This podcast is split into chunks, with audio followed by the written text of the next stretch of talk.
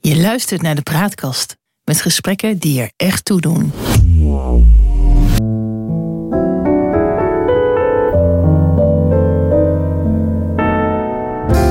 Welkom bij de Praatkast.nl. Dit is een aflevering van het Geheugenpaleis. Mijn naam is John Knierim en samen met Han van der Horst maken we deze podcast.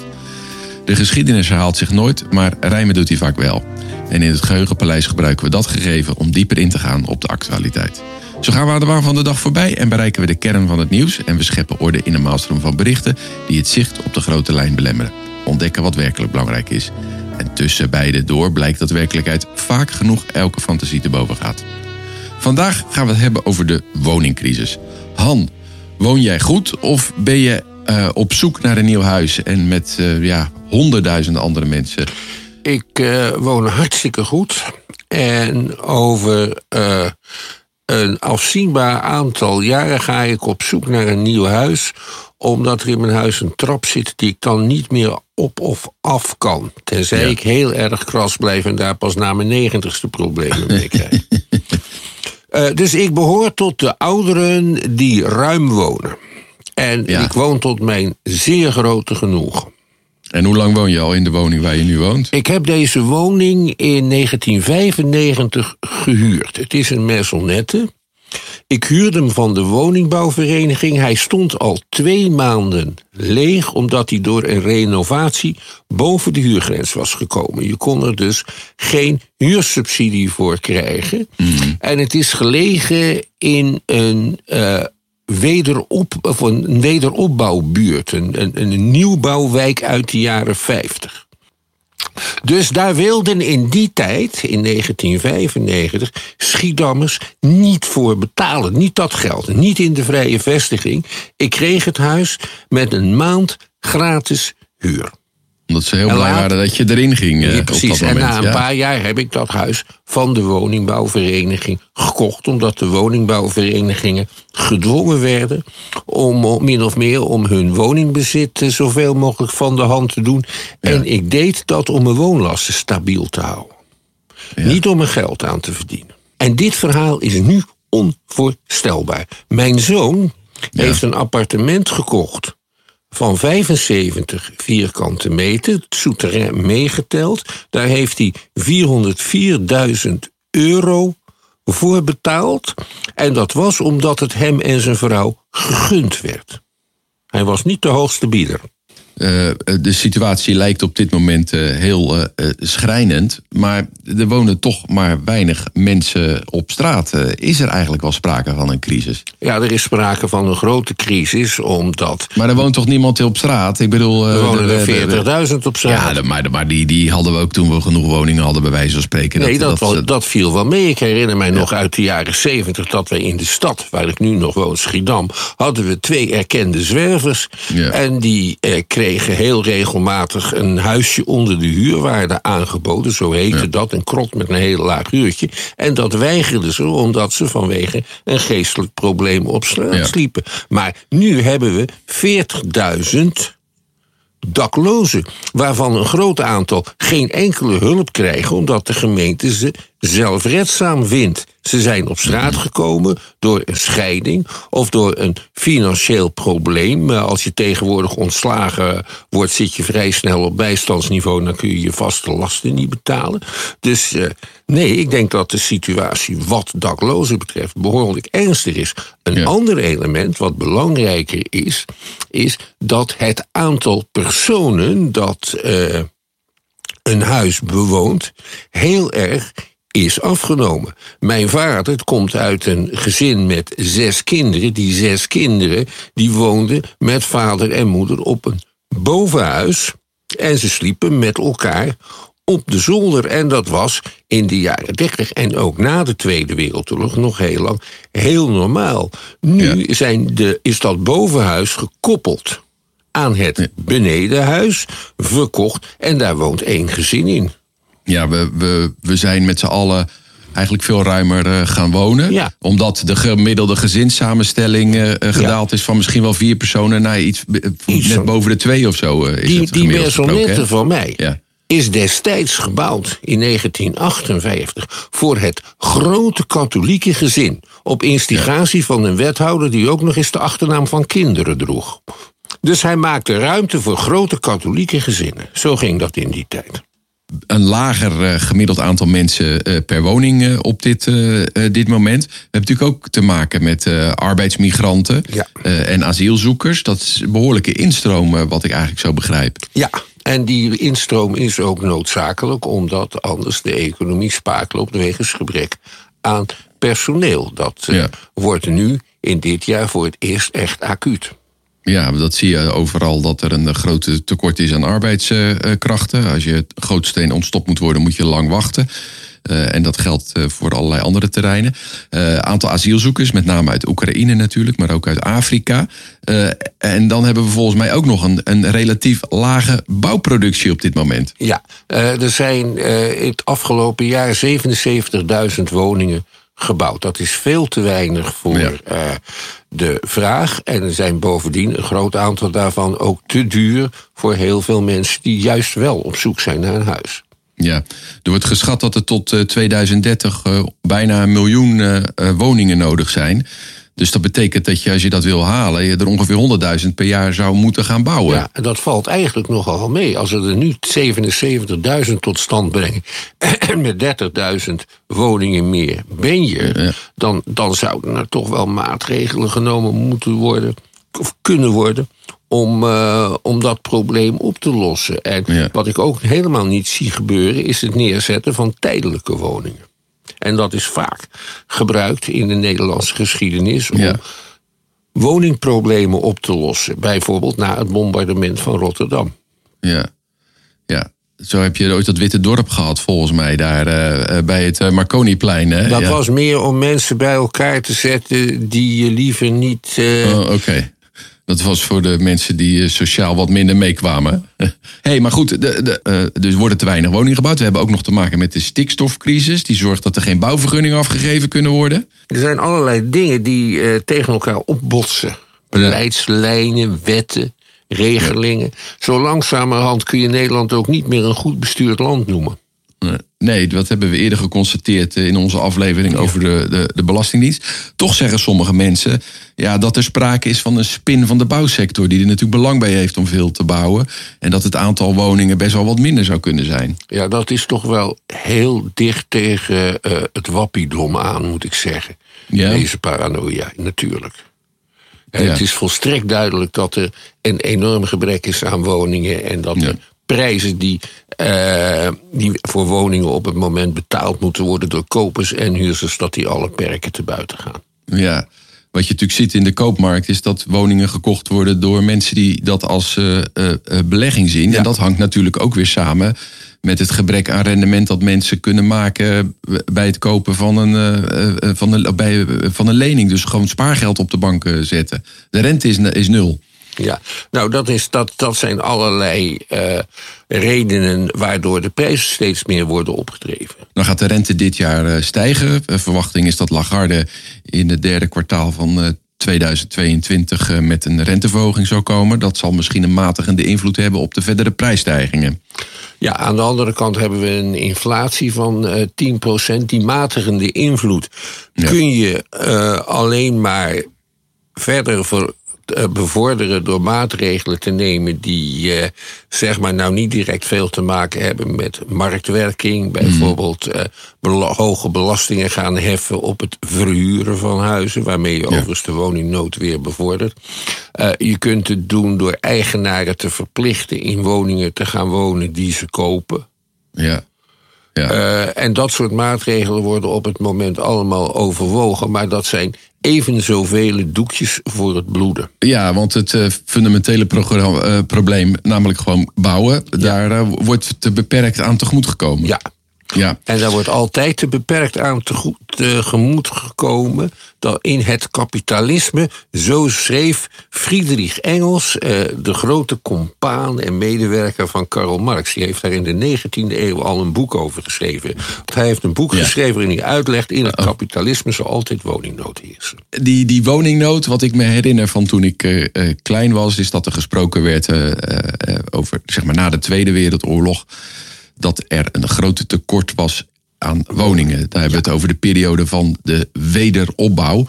Had natuurlijk iets te maken met uh, de vernietigingen die door de Duitsers waren aangericht, met name in, in, in Rotterdam. Ja. maar ook in andere steden. En in die jaren heeft misschien de bouw, in de oorlogsjaren, de bouwproductie ook stilgelegen. Kan je ons daar eens naartoe meenemen, naar die periode van na de Tweede Wereldoorlog? Ja, voor de Tweede Wereldoorlog was er een overschot aan woningen en kon je van de huisbaas verlangen dat hij de behangkosten betaalde als je een huis huurde. Eh, in de Tweede Wereldoorlog is de bouwproductie gestopt door eh, de bezetters, omdat, of liever gezegd, de civiele bouwproductie is gestopt omdat alle inspanningen naar bunkers en de Atlantikwal moesten gaan. Bovendien zijn er tijdens de Tweede Wereldoorlog heel veel huizen verwoest, vooral in het laatste jaar, en dat leidde tot een enorme woningnood. En dat noemde men volksvijand nummer één. en het antwoord op volksvijand nummer één was bouwen, bouwen en nog eens bouwen. Voor zover het verarmde Nederland daar geld voor had. In de jaren 50 zouden ze in hun handen geklapt hebben bij aantallen als 77.000 woningen per jaar.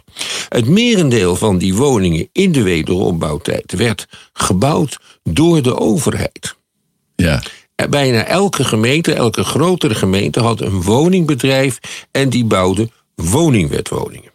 Dat zijn die flats die nu op zo'n grote schaal worden afgebroken en die in de jaren 50 zijn ontstaan. Je kreeg ik, heb zelf, uh, ik heb zelf gewoond in Vlaardingen in, uh, in twee van dat soort uh, wijken. Ik ook. En, en ik herinner me uit mijn jeugd en dat staat me echt nog helder voor de geest. Het geluid van heipalen die de grond in gingen. Dat hoorde en dat was een, dat, precies, en dat hoor je overal.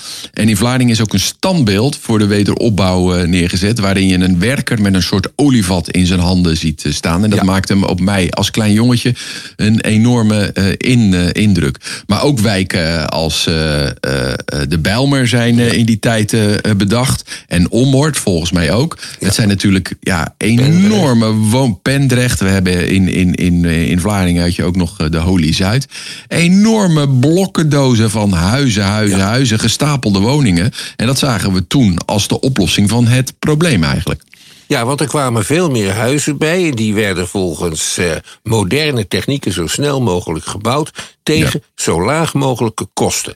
De overheid subsidieerde de bouw van die huizen.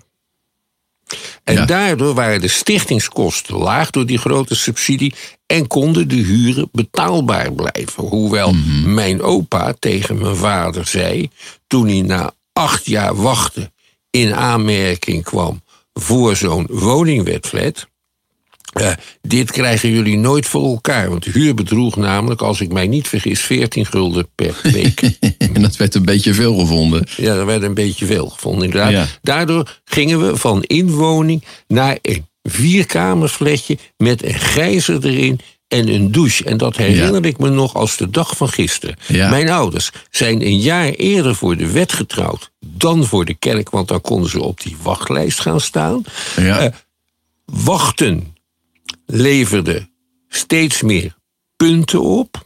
En extra kinderen nog veel meer punten. Dus die flat dankten uh, wij voornamelijk aan de geboorte van mijn broertje. Zo ging dat in die tijd. En let op, acht jaar wachttijd. Maar acht jaar wat, wachttijd. Voor een sociale huurwoning. En dat is tegenwoordig meer. Ja. Dat zijn een, enorme lange periodes. Hoe lang heeft dat nou geduurd, uh, zo na die Tweede Wereldoorlog, voordat daar een beetje stabiliteit in, uh, in kwam? Ik, nou, ik denk zo'n beetje tot eh, jaren 70, jaren 80. Ja.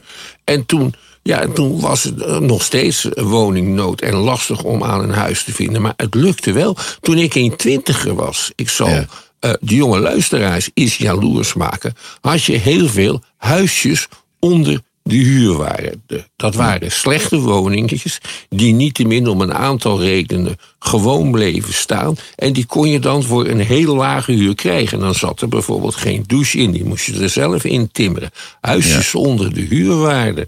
Daar woonden heel veel studenten in. Ja. Ik weet wel dat toen ik alleen ging wonen, ik ook vrij gemakkelijk een, uh, een goedkope woning kon uh, krijgen. We hadden toen ook uh, te maken met heel veel gemeentelijke woningbedrijven. Ja. Ehm, hoe is dat ontstaan? nou, dat is een idee dat stamt al uit de Eerste Wereldoorlog. Nou moeten we heel diep de geschiedenis in. Ja. Um, de eerste Nederlandse woningwet met kwaliteitsvoorschriften voor nieuw te bouwen woningen, die dateert uit 1901. En die kwam tot stand door het drijven van liberalen. In rond 1900 hadden de liberalen namelijk nog hersens. Ja. En zij. Ja, het slaat nergens op dat je dat nou zegt. Waarom zou een liberaal, eh, waarom zou een liberaal nou uh, op deze tijd geen hersens meer kunnen nou, hebben? Kijk, kijk, kijk wat minister Blok van, van Volkshuisvesting heeft aangericht hè, in de ja. paar jaar dat hij minister is geweest. Ja, goed, nou, maatregelen die de woningnood in ernstige mate uh, hebben bevorderd. Ja, heeft niks met liberalisme te maken, Han. Nee, het is gewoon. Het, het liberalisme, liberali een groot deel van de liberalen rond 1900, dat waren radicale sociale hervormers. Ja. Socialisten waren voor de revolutie. Sociale liberalen, radicale liberalen waren voor maatregelen. Ja. En onder die, die, die liberalen bevonden zich allerlei beoefenaren van vrije beroepen en ook veel artsen. En die stelden vast dat je maatregelen moest nemen op het gebied van de huisvesting om de volksgezondheid te bevorderen. Zij hebben ook de term volkshuisvesting verzonnen. Ja, want volksgezondheid was op dat moment een groot probleem. Waren mensen heel erg ziek? Ja, die, uh, die, die stierven als vliegen aan TBC en allerlei besmettelijke ziekten. Ja. Uh, rond 1850 was de gemiddelde levensverwachting in Nederland nog geen 40. Rond 1900 was dat al behoorlijk aan het stijgen. Tot, ja. uh, tot, in jaren, tot 60 enzovoort. En dat kwam vooral door hygiënische maatregelen. Dus ja. waterleiding, maar ook krotopruiming. In die wet van 1901 mochten gemeentes bijvoorbeeld huizen onbewoonbaar verklaren. En als ze dan leegkwamen, mochten ze niet opnieuw verhuurd worden.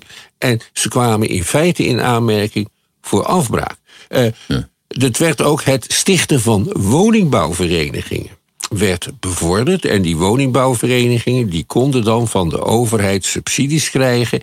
En ook heel goedkope leningen. En vaak zaten daar ook allerlei filantropen achter, achter die woningbouwverenigingen. En dan ging men goede arbeiderswoningen bouwen voor die tijd. En die staan nu vaak op de monumentenlijst. In heel veel steden heb je bepaalde wijkjes, wijkjes die uh, volgens dat principe zijn gebouwd. Ook had je toen heel veel grote werkgevers die het hun plicht achten, hun plicht achten, moreel, om ja. voor huisvesting van hun arbeiders te zorgen. En een mooi voorbeeld daarvan is het Agneta Park in, uh, in Delft gebouwd door Jacques van Marken. Van Gisbrocades. Van Gisbrocades ja, en nu van Unilever. Ja. ja. dat doen werkgevers niet meer. Nee, en maar de, de drijfveer volgens mij van. op grote schaal gedaan.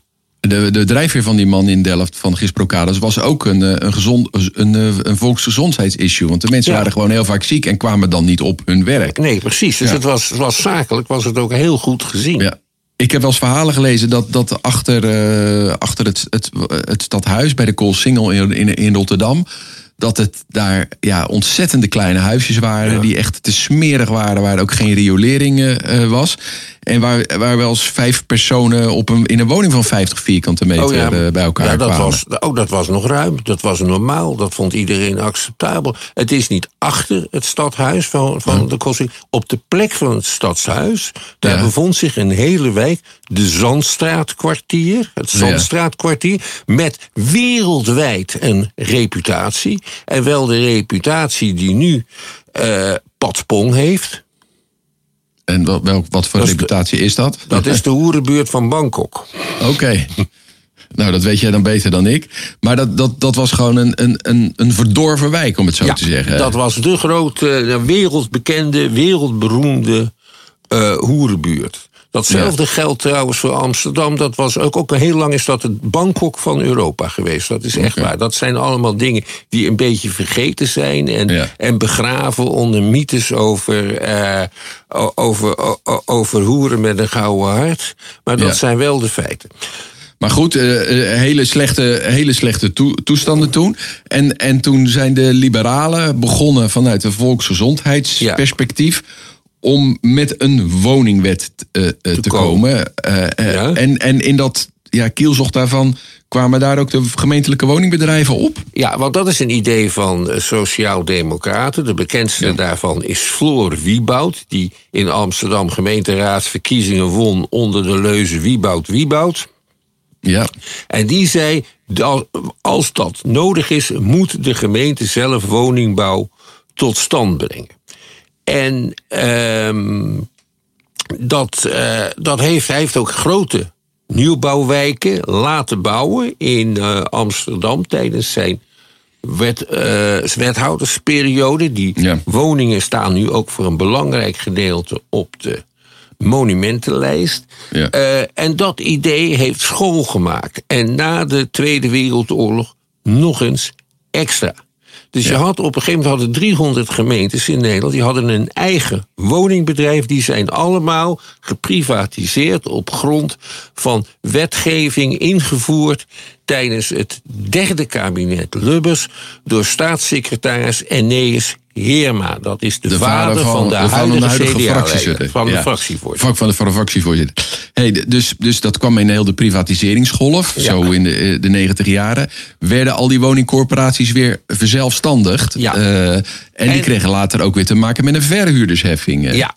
Eerst werden ze verzelfstandigd, al die gemeentelijke woningbedrijven. Dat werden dan een soort woningcorporaties. Daarna werd er sterk bevorderd dat ze met bestaande woningbouwverenigingen zouden fuseren tot grote conglomeraten. Wat ook gebeurde. En die conglomeraten waren allesbehalve democratisch. Eh, want de leden, eh, men, kreeg, men, men, liet zich hoogstens een beetje adviseren door, eh, door, door huurderscommissies enzovoort. Ja. Uh, ze zijn zich steeds meer gaan gedragen, want dat mocht en werd bevorderd als gewone projectontwikkelaars.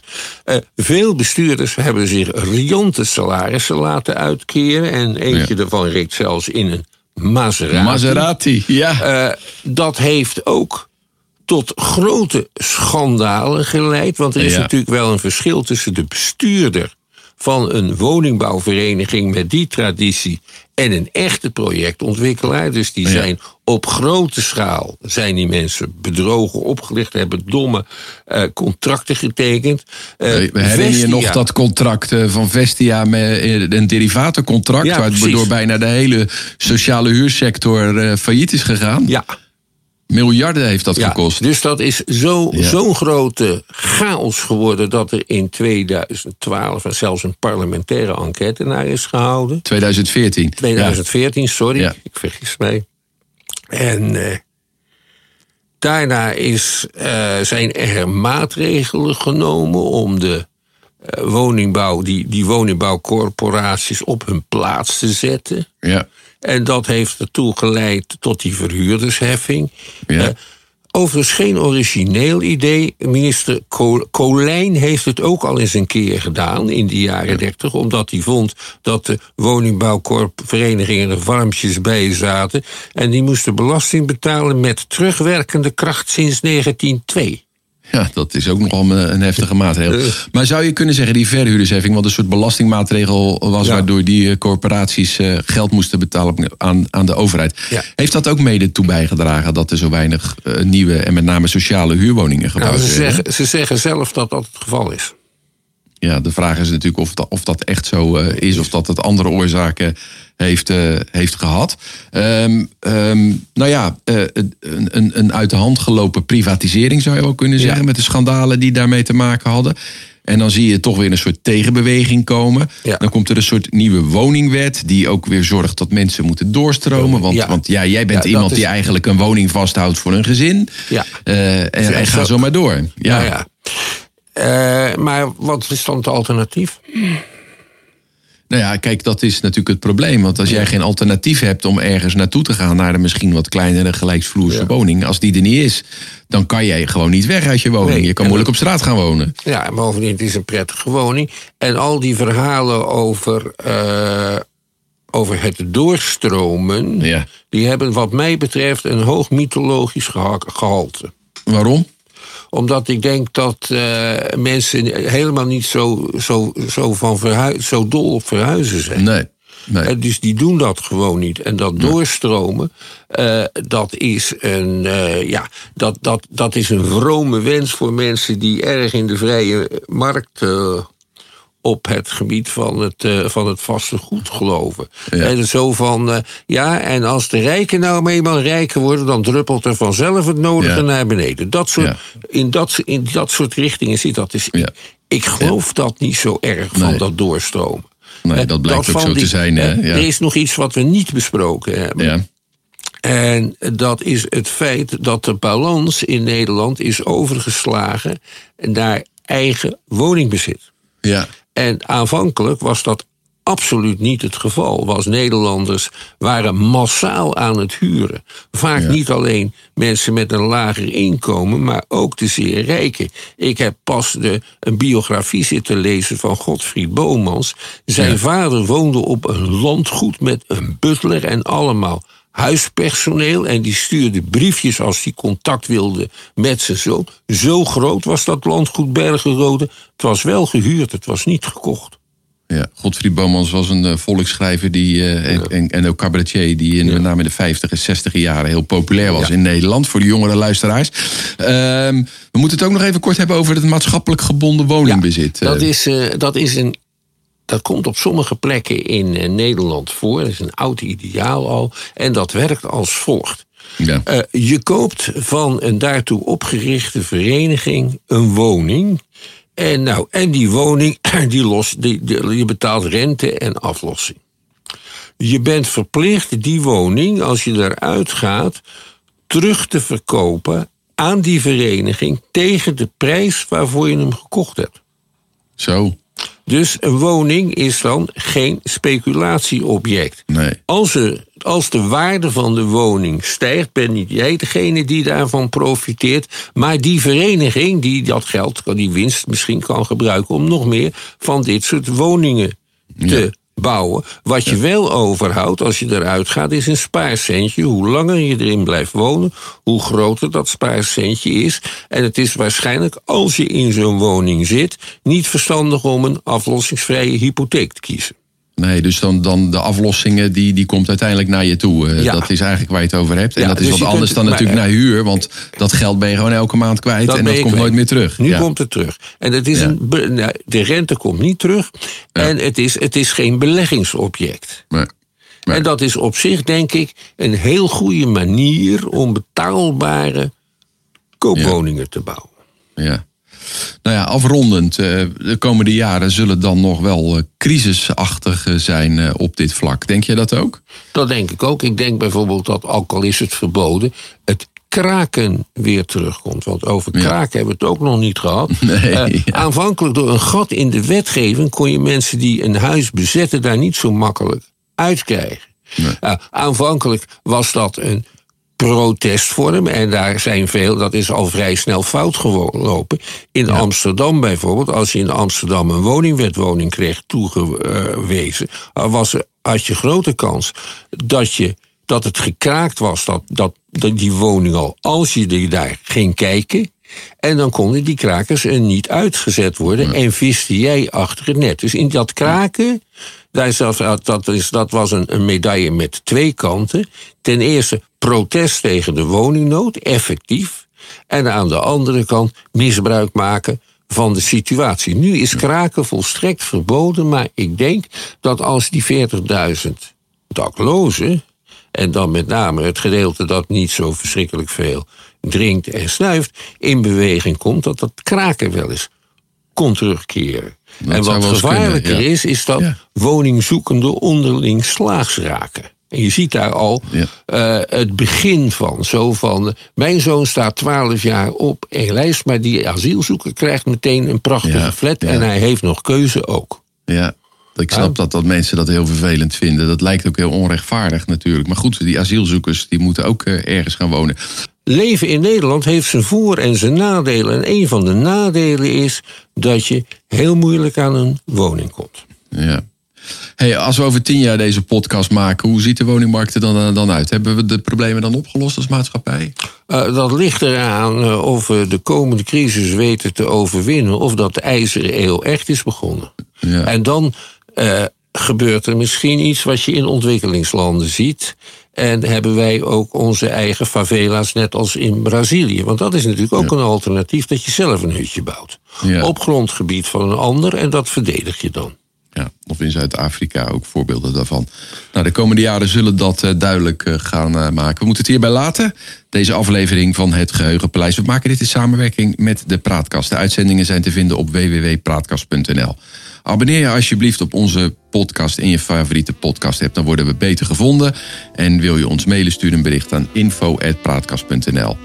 En op de Praatkast zijn nog veel meer podcasts te vinden van de Praatkast. Bijvoorbeeld Nu is Later. En dat gaat over of je geworden bent wat je wilde worden. En waar je wil je nu heen en waar wil je in de toekomst heen. Victor Chevalier die interviewt mensen met een verhaal, helden in hun vakgebied en vaak ook bekende mensen. Nu te beluisteren op Nu is Later. Voor nu bedankt voor het luisteren en tot de volgende keer. Wees gelukkig, blijf gezond, wees zuinig op je dak als je dat hebt.